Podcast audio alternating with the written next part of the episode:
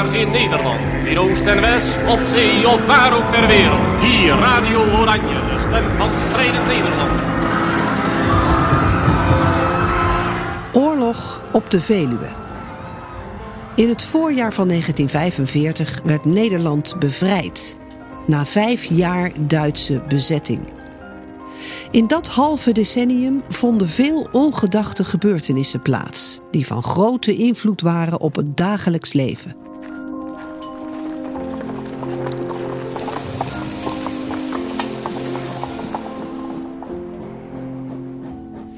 Deze podcastserie passeren bekende en onbekende verhalen de revue.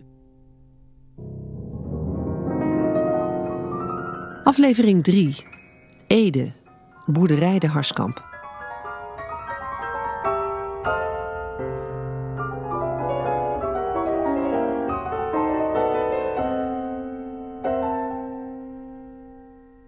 De Harskamp is een modelboerderij bij het dorp De Harskamp in de gemeente Ede, die begin 20e eeuw werd ontworpen voor het schatrijke echtpaar Kruller-Müller. Na de verloren slag om Arnhem werd het een vluchtoord voor evacuees uit Arnhem, Oosterbeek en Wageningen.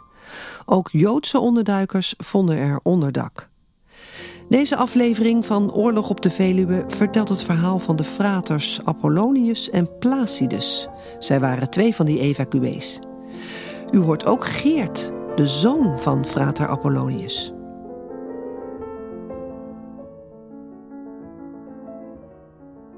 Plotseling een knal, een geweerschot. Alles valt plat op de buik, rolt in een stinkende sloot tussen de brandnetels in een greppel met water. Machinegeweren ratelen. Na tien minuten rukken de tanks op. Een handbeweging van de observeerder maakt ons duidelijk: blijven liggen. Even later mogen we kruipend en bukkend achter de tank beschutting zoekend naar de boerderij. Wat was er gebeurd?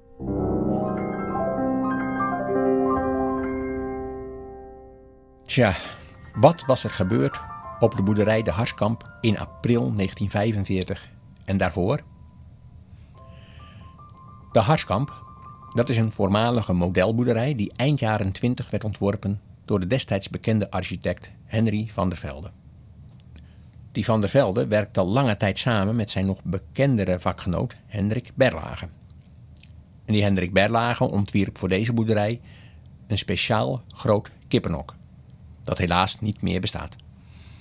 De boerderij die werd ontworpen in opdracht van de steenrijke en kunstminnende Helena Kruller-Müller. Die van Park de Hoge Veluwe en van het Kruller-Müller Museum. En zij was de echtgenote van een ondernemer die een van de grootste financiële malversaties uit de Nederlandse bedrijfsgeschiedenis op zijn naam heeft staan. Maar dat is een ander verhaal.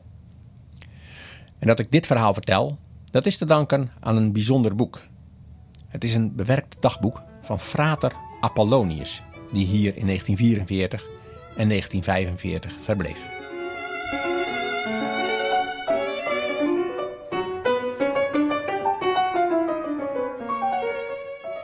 Die modelboerderij, dat is nu een vrolijk opgezette camping. En op dat landgoed, er is best nog wel wat te zien van het oorspronkelijke ontwerp. Bijvoorbeeld in het Klaafblad. En dat is het huis van Erik Mackay, achterkleinzoon van het echtpaar Kruller-Müller. En dat is ook een van de huizen die nog in familiebezit is. En het is, evenals de modelboerderij, in opdracht van het ondernemers-echtpaar ontworpen door Van der Velde. In het Klaverblad zelf verbleven tijdens de oorlog Duitse officieren. Ik heb een afspraak gemaakt bij Erik Mackay aan huis en daar ontmoet ik ook streekhistoricus Ron Rijtsma. En hij vertelt mij kort iets over de militaire situatie van het landgoed, de Harskamp, in de periode na de slag om Arnhem. Toen de geallieerden vanuit het oosten, zuidoosten hierheen trokken, eh, het waren Canadezen, eh, hebben ze drie dagen gedaan over de bevrijding van eh, Otterlo. Met een schatting 200 doden tot gevolg. Een paar dorpsbewoners van Otterlo een twintigtal Canadezen en een, uh, ja, de rest Duitsers. Een onbekend aantal Duitsers, maar de schatting is zowel dat het zeker 200 doden heeft gekost in totaal. Dat was Otterlo. Harskamp, nou, een paar kilometer verderop. Daar is één dode gevallen, ook, ook een Canadees militair, tijdens de bevrijding. Op het landgoed, de Harskamp, in, in de kern had je dus de modelboerderij. Waar uh, uiteindelijk meer dan 100 vluchtelingen zaten. En met daarboven een, een, schil van, van, van het gebouwen waar, de, waar Duitsers uh, zaten. Hè? De, de hoge officieren die zaten in, in het Klaverblad. De ortscommandant in het huis Harskamp. En het oude woonhuis van Toon Kruller. Het was Krankenrivier, dus het, ziekenhuis van de Duitsers. En die, zeker die oortscommandant had natuurlijk het mooiste huis van Narskamp voor zichzelf genomen. Hij had ook in het, of op het schietkamp kunnen gaan, gaan bivakeren. Maar hij had groot gelijk dat hij dat huis nam. En het Klaverblad idem dito was natuurlijk ook gewoon een van de, van de mooiste huizen van het dorp. Waar dan ja, de bewoners uitgejaagd zijn eigenlijk. En de officieren de boel over hebben genomen.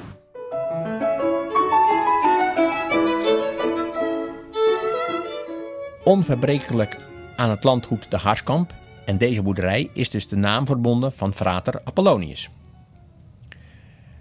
Waarschijnlijk was hij vernoemd naar een vroeg christelijke martelaar die in het jaar 186 de marteldood stierf. Maar ook dat is een ander verhaal. Frater Apollonius. Hij behoorde tot de zogenaamde fraters van Utrecht. Eh, wie dat zijn, heb ik even nagezocht voor mijn niet-katholieke luisteraars. Die fraters van Utrecht, die heten officieel de fraters van de congregatie van onze lieve vrouwen van het Heilig Hart.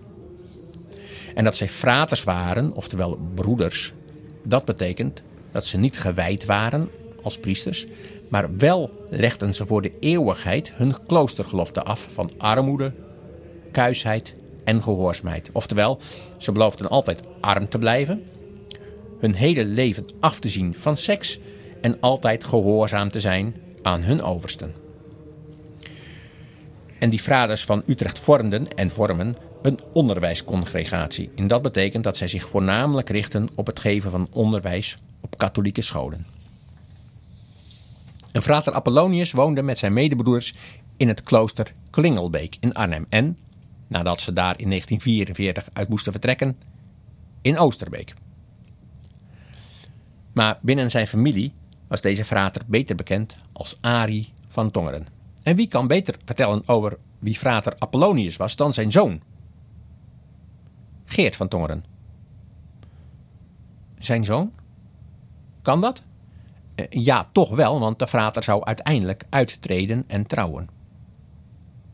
Ook Geert van Tongeren ontmoette ik tijdens mijn bezoek aan de Harskamp in het Klaverblad. En dat intrigeert me natuurlijk direct. De zoon van een frater. Hoe zit dat precies? Nou, in ieder geval is de moeder van Geert nooit bij de Harskamp betrokken geweest. Zijn ouders ontmoetten elkaar pas jaren later. Maar hoe zat dat dan wel? Dat heeft alles te maken met de Harskamp en met een tragische liefdesgeschiedenis.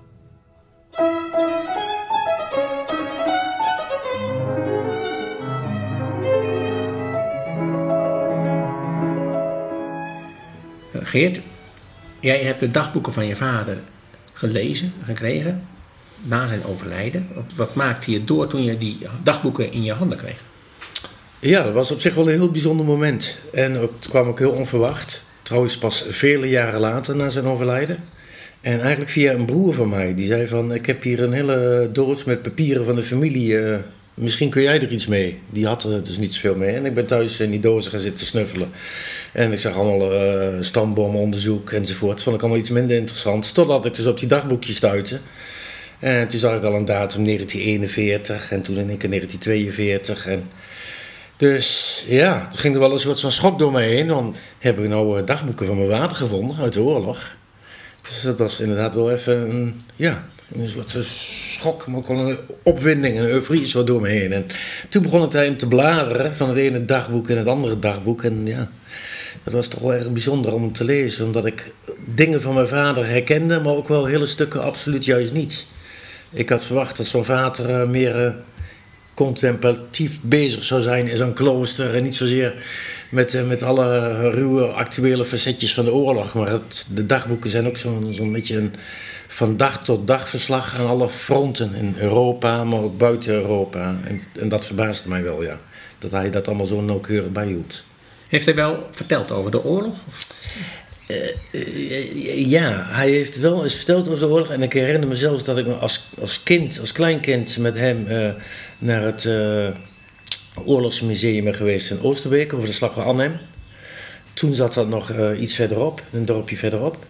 En daar heb ik samen met hem rondgelopen. En we zijn later ook een keer op vakantie geweest in Normandië. En dan zat hij echt met, met volle aandacht, merkte ik wel, dingen te bekijken. Natuurlijk. Maar hij heeft nooit persoonlijke dingen over zijn periode in Harskamp, uh, Oosterbeek. Daar heeft hij nooit iets over verteld. Nee, meer algemeenheden.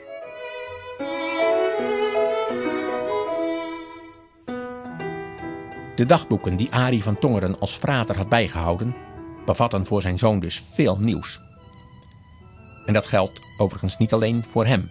De dagboeken werpen een heel nieuw licht op onbekende oorlogsgebeurtenissen op de Veluwe. Maar hoe kwamen nou fraters uit Arnhem terecht op een modelboerderij bij het dorpje Harskamp? Uh, hij zat in een klooster in Arnhem en dat klooster is geconfiskeerd door de Duitsers in 1942. Toen is hij in Oosterbeek terechtgekomen met een groep van totaal ongeveer 30 fraters. En daar zijn ze wederom, kort voor het slag voor een tweede keer uit een klooster of een tijdelijke klooster toen gezet. Toen kwamen ze daar in het parochiehuis terecht. En dat is op zich al bijzonder, want toen voor het eerst kwam hij ook samen met een groep burgers in dezelfde ruimte te zitten die daar kwamen schuilen. Vrouwen, kinderen enzovoort. Terwijl het daarvoor natuurlijk een hele strikte mannengemeenschap was. Nou ja, en in Oosterbeek en Arnhem is in die tijd natuurlijk na een aantal dagen de gehele bevolking geëvacueerd. En die werden allemaal richting het noorden, noordwesten van Nederland gedreven, min of meer. Uitjes, want uh, ja, naar het oosten kon niet. Het zuiden was al bevrijd. Dus bijna iedereen ging zo'n beetje richting Veluwe. Sommigen verder, maar de meesten zijn toch wel ergens op de Veluwe terechtgekomen. En tijdens die tocht, zo'n ruime tocht geweest, ruim 20 kilometer via Otterlo. stond er in Otterlo, wat ik begrepen heb uit de dagboeken, een soort uh, geïmproviseerd bureautje van vrijwilligers om die evacuees door te verwijzen wie naar welke plek zou gaan. En omdat hun met een hele grote groep waren, zo'n 30 fraters plus nog een aantal burgers die ook bij die fraters wilden blijven. Ja, is dat natuurlijk lastig. Dat gaat niet, niet op, is een boerderij te klein voor. En toen kwam iemand blijkbaar op het idee van, nou, dan is dat misschien is de modelboerderij in Harskamp misschien wel een geschikte plek. En daar, daar zou wel een grote groep terecht kunnen, maar zelfs toen was hun groep nog te groot. Dus een aantal burgers zijn toen op bij gezinnen ondergebracht in uh, Haskamp. Sommigen zijn nog verder getrokken ook, maar de grootste groep is toen op de modelboerderij in Haskamp ondergebracht. En een aantal van die fraters is trouwens nog wel een, uh, uh, eind oktober, november 1944. Die zijn toen doorgetrokken, weer wat verder, naar een andere tijdelijk klooster. Eigenlijk zijn uh, tot het einde van de oorlog zijn er wel eens ongeveer vijf fraters geweest die echt hier tot het einde van de oorlog gebleven zijn. Als gevolg van de slag om Arnhem moesten wel 95.000 mensen evacueren. Richting Apeldoorn, maar ook naar het westen richting de Harskamp en verder richting Ede, Barneveld en naar Nijkerk, Putten en Ermelo. Op 26 september werd besloten te evacueren vanuit Oosterbeek. Dat moest op last van de burgemeester en zo vertrokken ook de fraters. En zij sloten zich aan bij de lange stoet vluchtelingen richting het westen. En in die stroom vluchtelingen bevonden zich ook mensen die grote risico's liepen om bij controle door de Duitsers te worden opgepakt. Zo lezen wij in het dagboek van frater Apollonius. Onder het lopen vertelt iemand me achteraan lopen een man en een vrouw. Het zijn Joden. Ze hebben in Oosterbeek ondergedoken gezeten en zijn nu ook geëvacueerd. Ze waren radeloos en hebben toen een frater aangesproken die hen naar frater-directeur bracht. Deze heeft het goed gevonden dat ze zich bij hen aansloten. Het zal toch niet zo erg lang meer duren. Het zou jammer zijn als ze na vier jaren van ondergedoken zijn nog achterhaald worden. We slaan een hoek om. Over een brede heg zien we midden in het land een fors, laag stenen gebouw. Is dat een boerderij? Het lijkt wel een burcht. Daar, een Hollandse SS'er op wacht. Oh, die staat voor het gebouw van de ortscommandantuur. Kijk, dat ligt juist tegenover de boerderij. We slaan de oprijlaan in. De Joden, Als laatste worden door de SS'er aangehouden. Persoonsbewijzen? Verbrand. We komen uit Oosterbeek vluchten, zegt de heer. De soldaat laat ze gaan. Hij zal het echter rapporteren. De vrouw huilt van de zenuwen. Zal dan het laatste ogenblik nog. De oprijlaan naar de boerderij is van asfalt. Hier stond dus ons nieuw tehuis. Edeseweg 54, Harskamp. De boerderij waar de fraters aankwamen was eigendom van mevrouw Brukman Kruller, dochter van het echtpaar Kruller-Muller. Op de modelboerderij woonde aan het eind van de oorlog haar pasgetrouwde dochter, mevrouw Mackay Brukman. Zij was getrouwd met baron Mackay, telg uit een oud Gelders adellijk geslacht. En op de dag dat ik hun zoon Erik Mackay bezocht in het Klaverblad, vertelde hij over zijn ouders en over de achtergrond van het landgoed.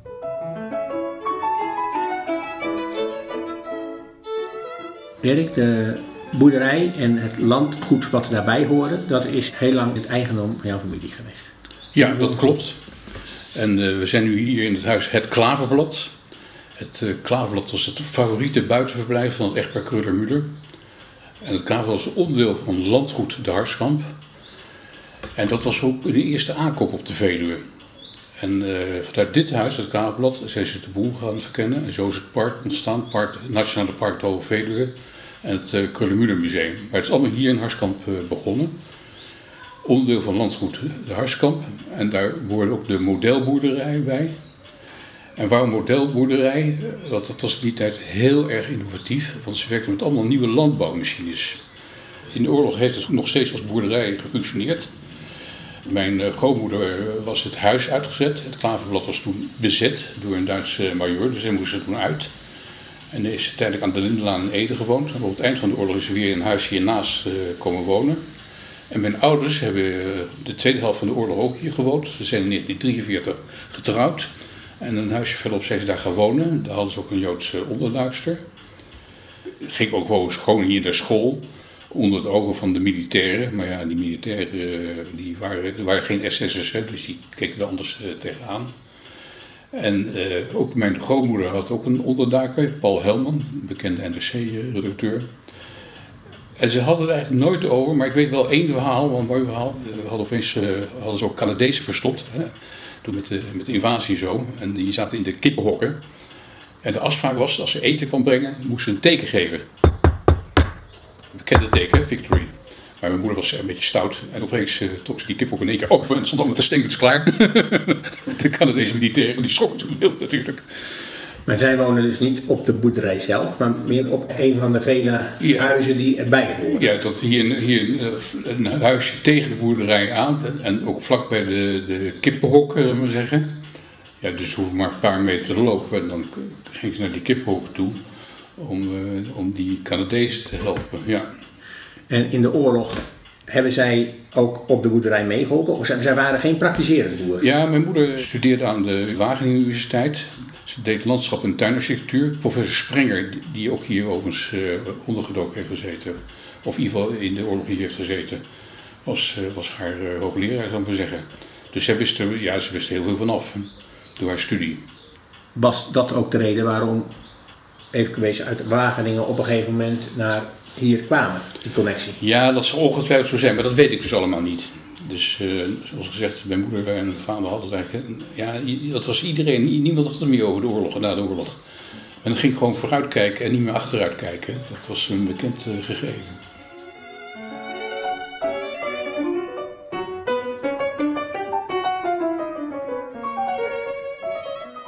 Het aantal bewoners van de Harskamp nam in de maanden die volgden gestaag toe. Want frater Apollonius en zijn broers waren niet bepaald de enige evacuees in de boerderij, met zijn grote stallen en enorme kippenhokken. De vluchtelingen die op de Harskamp hun toevlucht vonden, waren heel verschillend. Er waren boeren bij en landarbeiders en bewoners uit het protestantse opvoedingsgezicht Hoendelo. Dat was een kinderthuis voor moeilijk opvoedbare jongens die op de boerderij waarschijnlijk een opleiding tot boerenknecht volgden. En naast de fraters en Joodse onderduikers kwamen er professoren met een familie vanuit de Landbouwhogeschool in Wageningen. En ook waren er twee huishoudsters van de pastoor uit Oosterbeek. En ook nog gezinnen uit dat dorp. Een van die evacuees was mevrouw Heddy Zweden. Zij kwam uit Wageningen. En over haar aankomst schreef zij in haar eigen dagboek. Om 11 uur verschijnt eindelijk de lang verwachte wagen. Een grote boerenkar waarop gelukkig al onze bagage geladen kon worden. Het werd een uittocht als met de zondvloed. Achter de boerenkar worden nog twee handwagens gebonden. Daarachter komen de tandem, fietsen en de kinderwagens. In karavaan trekken we Ede door, op weg naar de Harskamp. Gelukkig is het weer mooi en was de toestand niet zo penibel geweest, dan zou het een genot zijn langs de prachtig gekleurde bossen te trekken. Het is een wandeling van 12 kilometer, maar het gaat uiterst langzaam. In de lucht is het vrij rustig en ongedeerd bereiken we om 4 uur Harskamp. En we dachten een rustplaats te vinden. Dit blijkt echter niet zo eenvoudig te zijn, want goed beschouwd kunnen we er eigenlijk niet terecht. Na enig delibereren van de heren wordt besloten een broedkamer van de kippen bewoonbaar te maken. We hadden ons wel een wat meer comfortabeler woning gedacht en het huilen staat je na alle emoties en inspanning nader dan het lachen. Maar we trekken erin en hopen dat er zich nog een oplossing zal voordoen. We knabbelen op een boterham en zorgen dat we althans enige slaapplaatsen in orde maken. Wat een toestand is het toch als je je huis uitgezet wordt. We zijn doodmoe en ondanks alles slapen we enorm. S'morgens proberen we wat orde in de zaak te brengen. We werken hard de hele dag om het een en ander in orde te maken. En met hulp van het Harskamper personeel wordt het kippenhuis in een enigszins bewoonbare hut herschapen. Het was dan wel een bijzonder kippenhuis, ontworpen door de grote architect Berlage hemzelf. En talloos waren ook de gasten en passanten die de Harskamp in de maanden die volgden met een bezoek vereerden. Familieleden, kennissen, fraters uit Utrecht, vluchtelingen. Geen gasten, wie meugelig, noteerde frater Apollonius op 23 november in zijn dagboek. En af en toe passeerden ook jongens en mannen die op de vlucht waren voor de Duitsers. Die wilden het werk aan de IJssellinie ontlopen, waar ze door de Duitsers toe gedwongen waren. En ze werden welwillend opgenomen en daarna doorgestuurd naar een van de scholen van de fraters die niet verwoest waren. En ondertussen heerste op de boerderij vanaf het begin een strakke dagorde. Ja, dat kun je aan fraters wel overlaten, dunkt me, met hun vaste kloosterritme van de vroege metten tot de completen in de avond. Een van de fraters hield in dezelfde tijd als frater Apollonius de kronieken bij. Dat was frater Placidus. Zijn naam betekent stilte of kalm. Dagorde. S'morgens om ongeveer 6 uur opstaan voor de heren. Wassen, kleden in kamer en stal, bij kaars of elektrische verlichting. Na kerstmis hebben we daar anderhalve maand clandestien van genoten. Om zeven uur stonden de dames op en de kinderen, die zich tijdens de eerste heilige mis wasten en kleden in de stal. Tot kwart over acht heerst er een bidstemming, als u wilt een silence in de kamer. In de stal was het dan vaak een hoogtepunt van gekrakeel. Ellie, eruit. Houd je mond. Vanavond om zes uur naar bed. Ach, vervelend joch. Om half zeven was het fornuis al aangemaakt door frater Apollonius. Onder de heilige mis kon de pap die s'avonds tevoren al gekookt was warm worden voor het ontbijt, dat om half negen gebruikt werd. Na het ontbijt ging iedereen zijn bezigheden doen. Hakken, fietsen, stalvegen, bedden opmaken, eten koken, kamervegen, etc. Tegen elf uur was de koffie klaar. Van twaalf tot kwart voor één was er meestal een beetje rust. De fraters deden dan hun middagoefeningen. Na het avondmaal baden we gezamenlijk het rozenhoedje. Van acht tot negen uur was het recreatie. Een poos hebben enkele gedobbelknopt, daarna geschaakt. Ook het beurspel voor de grote en het Leidse pleinspel voor de jeugd is enige tijd in trek geweest. Meneer Pastoor heeft ons zeer vaak geamuseerd voor het middageten en in de schemeruren s'avonds, op een bonte avond met zijn pianomuziek. Dat deed je goed bij al die misère als evacuee. Dank u wel.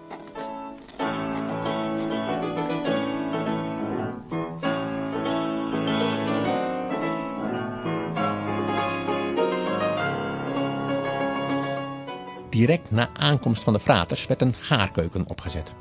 En dat gebeurde onder leiding van een gewezen commandant van de fouragedienst van een nabijgelegen legerplaats. Frater Apollonius schreef uitgebreid over het verzamelen en bereiden van voedsel en andere belangrijke levensbenodigheden.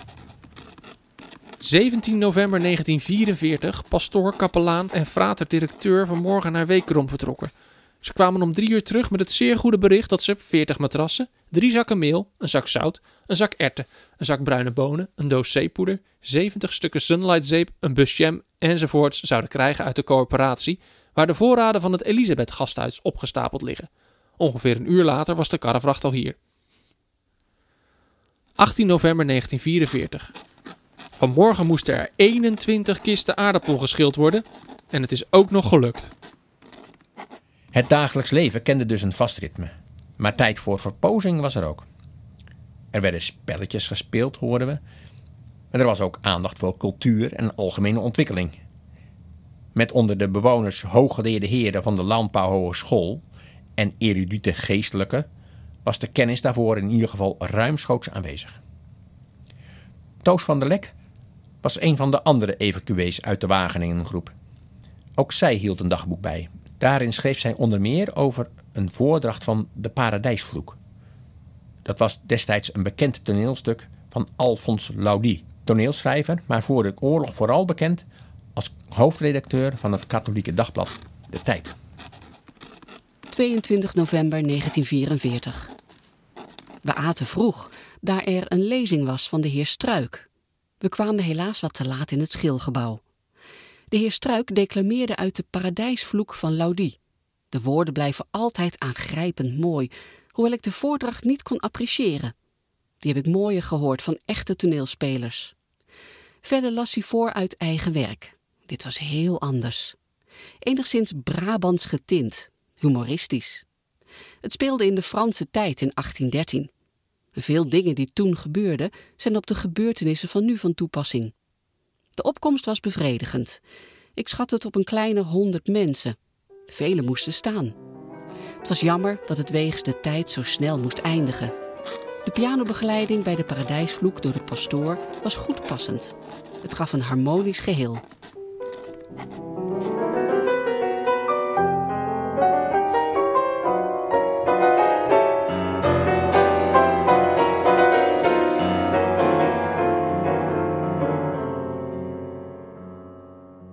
En ook frater Apollonius schreef in zijn dagboek over cultuur en over ontspanning. Maar dat wisselde hij af met ernstige oorlogsberichten. Met eind november wel een zeer triest persoonlijk bericht voor de frater zelf.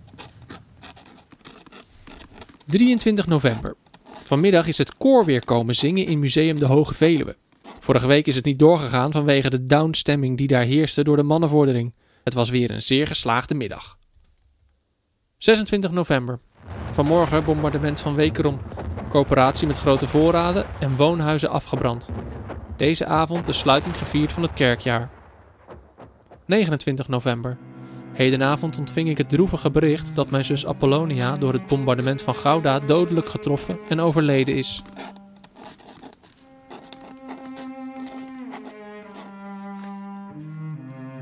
De dagen verstreken. De feestdagen kwamen eraan. De oer-Hollandse tradities die daarbij hoorden, leken een vorm van houvast te bieden. Sinterklaas, kerst. Op 4 december keerde Farater Apollonius terug op boerderij de Harskamp. Op de fiets na een bezoek aan zijn ouders in Den Haag, omdat zij hun dochter en hij zijn zus had verloren.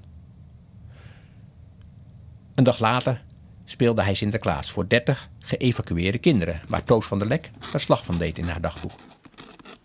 6 december 1944. Aan onze tafel zaten vijf jongens van een jaar of twaalf, die nog onder de stemming van Sint-Nicolaas zich met allerlei liedjes bezighielden.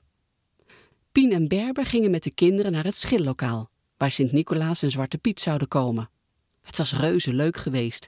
Alleen was Ineke wat in de war over de zak waar een jongen ingestopt zou worden en waar hevig kettingen in rammelden. Berbertje durfde niet langs Zwarte Piet. Frater Apollonius speelde voor de Sint. Hij deed het heel goed en had door middel van de ouders een briefje waarop verschillende dingen stonden die ze graag hadden dat hij hun eens over onderhield. Nu, toen ze thuis kwamen, wisten ze precies te vertellen wat ze niet mochten doen. Vanavond zijn we naar de zangavond geweest in het schillokaal. Er was een mannenkoor en de pastoor dirigeerde en gaf er tussendoor improvisaties op de piano, de nocturnes van Chopin en een potpourri van allerlei liedjes. Het koortje zong Latijnse liederen, waaronder het Ave Maria.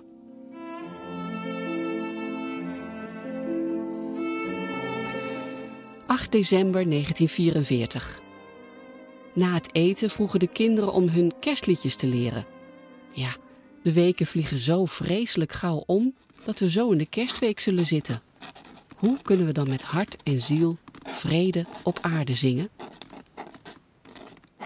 Tweeënhalve week later was het dan eindelijk kerstfeest.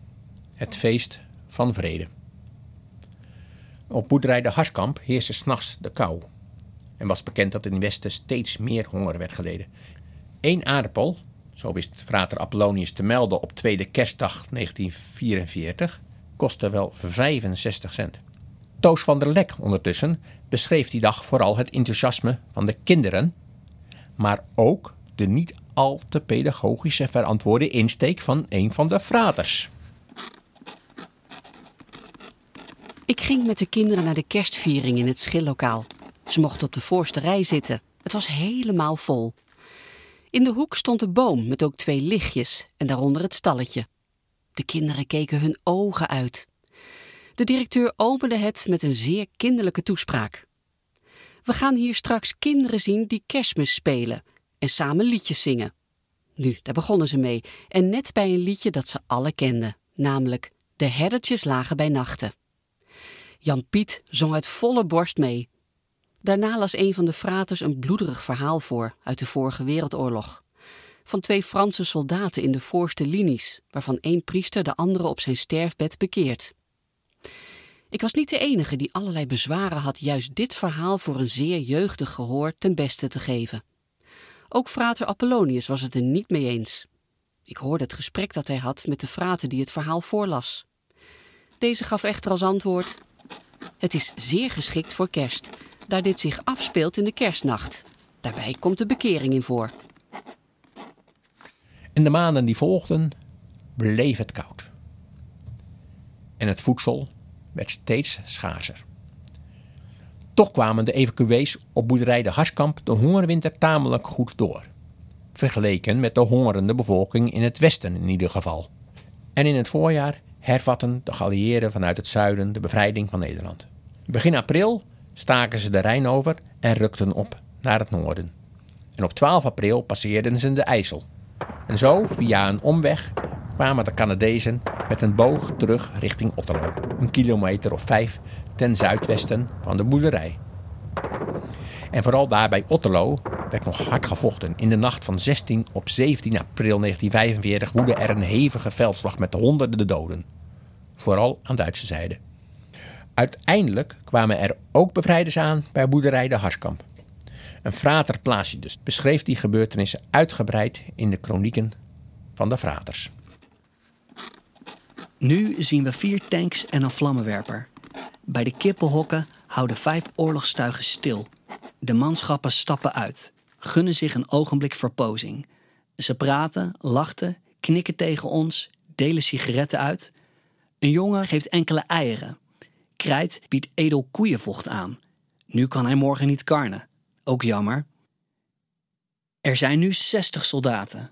100 burgers hebben zich reeds rondom hen geschaard. Plotseling een knal, een geweerschot. Alles valt plat op de buik, rolt in een stinkende sloot tussen de brandnetels in een greppel met water. Machinegeweren ratelen. Na 10 minuten rukken de tanks op. Een handbeweging van de observeerder maakt ons duidelijk: blijven liggen. Even later mogen we kruipend en bukkend achter de tank beschutting zoekend naar de boerderij. Wat was er gebeurd? Drie Duitse soldaten op een motorfiets kwamen de oprijlaan van de oortscommandant inrijden. Ze zijn hun mannen kwijt. Daar staan tanks. Dat zullen ze wezen. Reeds is de poort achter hen. Ze zijn op de binnenplaats. Dan, plotseling, het zijn de geallieerden. en rennen. De motorfiets staat rechtop.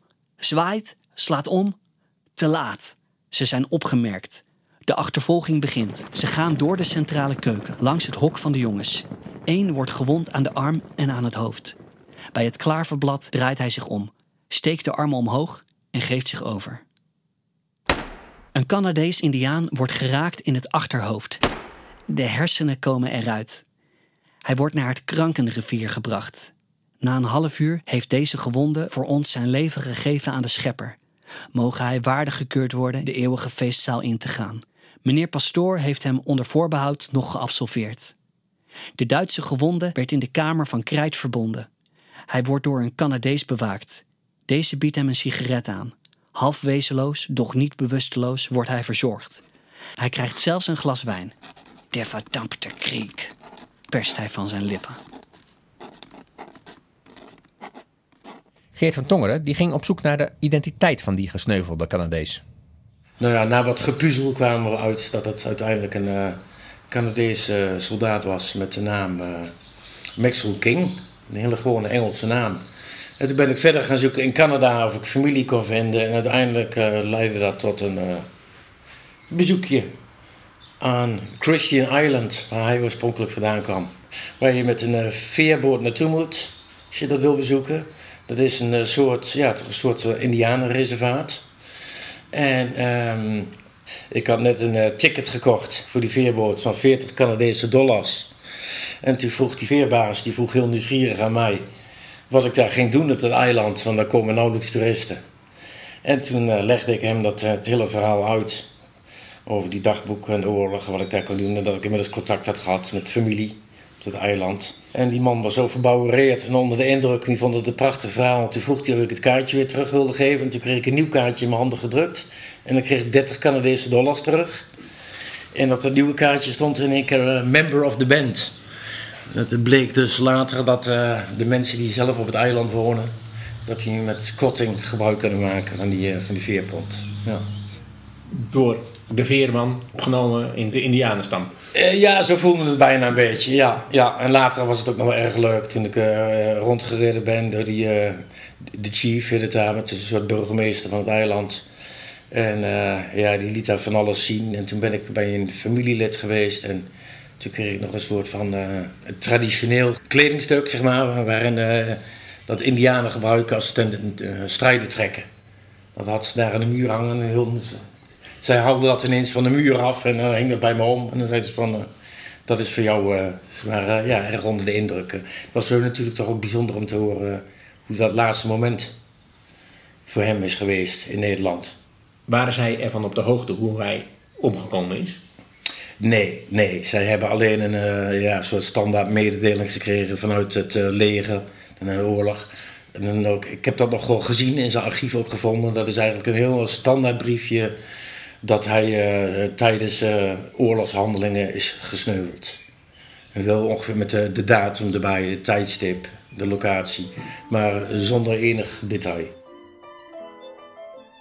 Maar dat speelde uiteraard allemaal veel later. Half april 1945 waren de Harskamp en haar bewoners bevrijd. Direct naar huis konden de meesten niet. Voor sommigen was dat ronduit te gevaarlijk en voor anderen gold dat hun huizen verwoest waren. De fraters troffen rond die tijd voorbereidingen om terug te keren naar hun eigen onderkomen, klooster Kringelbeek in Arnhem. Ook al was dat grotendeels aan gort geschoten. En gingen alle fraters daarheen? Nee, maar frater Apollonius had inmiddels heel andere plannen.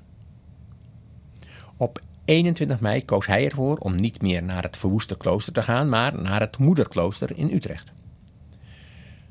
Drie dagen later, op 24 mei, vertrok hij samen met frater Koenraad en frater Dominicus op de fiets naar de Domstad. En wat de dagen daarna gebeurden, is bijzonder. Te beginnen op 1 juni 1945. Op die dag schreef frater Apollonius. Gisteren bij de officiaal gebiecht. Vanavond officiaal gesproken. Een officiaal. Dat is een rechter van de kerkelijke rechtbank van de Rooms-Katholieke Kerk. Dat frater Apollonius eerst ging biechten bij de officiaal van bisdom Utrecht en de dag daarna een gesprek met hem had, had waarschijnlijk te maken met het feit dat hij zijn eeuwige gelofte wilde verbreken. En uit de congregatie van de Fraters van Utrecht wilde stappen. En dat werd toegestaan. Op 6 juni 1945 vertrok hij uit Utrecht. Om ongeveer kwart over vier het Sint-Gregoriushuis verlaten. Vanaf ongeveer tien voor zeven woonachtig op de Van Linschotenweg 13 te Woerden. Maar waarom? Waarom verbrak frater Apollonius zijn eeuwige gelofte en werd hij weer Ari van Tongeren? Dat was absoluut not done in die tijd. Het was een schande, een taboe. Ik vraag het zijn zoon. Eh, Ja, dat werd me eigenlijk allemaal pas duidelijk na het vinden van die dagboeken. En sterker nog, eh, zelfs daarin schrijft hij daar niet veel over, over het hele proces. Want ik heb er zelf veel over nagedacht. En er moet wel een proces van vele maanden zijn geweest dat hij echt die beslissing heeft genomen. En het werd mij eigenlijk pas duidelijk op de allerlaatste bladzijde van de dagboeken. Waarin hij beschrijft waarom hij het klooster heeft verlaten. Wat staat er? Pak ik even de boek erbij, ja. Want hij beschrijft daar... Nou, ik moet het misschien anders stellen. Het eerste wat ik zag bij die laatste bladzijde... En dan hebben we het inmiddels over 7 juni 1945. Dus eigenlijk al een maand na de oorlog. Zie ik daar in één keer een, eh, een overlijdenskaart in staan. Eh, van ene Sien Nijkaken. En onder die kaart staat dan geschreven. En hij heeft die rouwkaart zelf pas twee weken later weer ontvangen in oorlog. Op 22 juni 1945. En dat is tevens zijn laatste aantekening in de dagboeken. En dan schrijft hij: Hedenmorgen bericht ontvangen van het overlijden van Gesina Nijkaken. Nu merk ik pas hoe na zij mij aan het hart lag. Hoezeer ik haar op mijn verwachtingen had gebouwd. Het wil niet tot mij doordringen dat ik haar nu niet meer zal zien. De oorlog is voorbij. Sien is gestorven. Zij vooral was de aanleiding dat ik de grootste stap deed in mijn leven en het waagde een nieuw leven te beginnen. Nu zonder haar.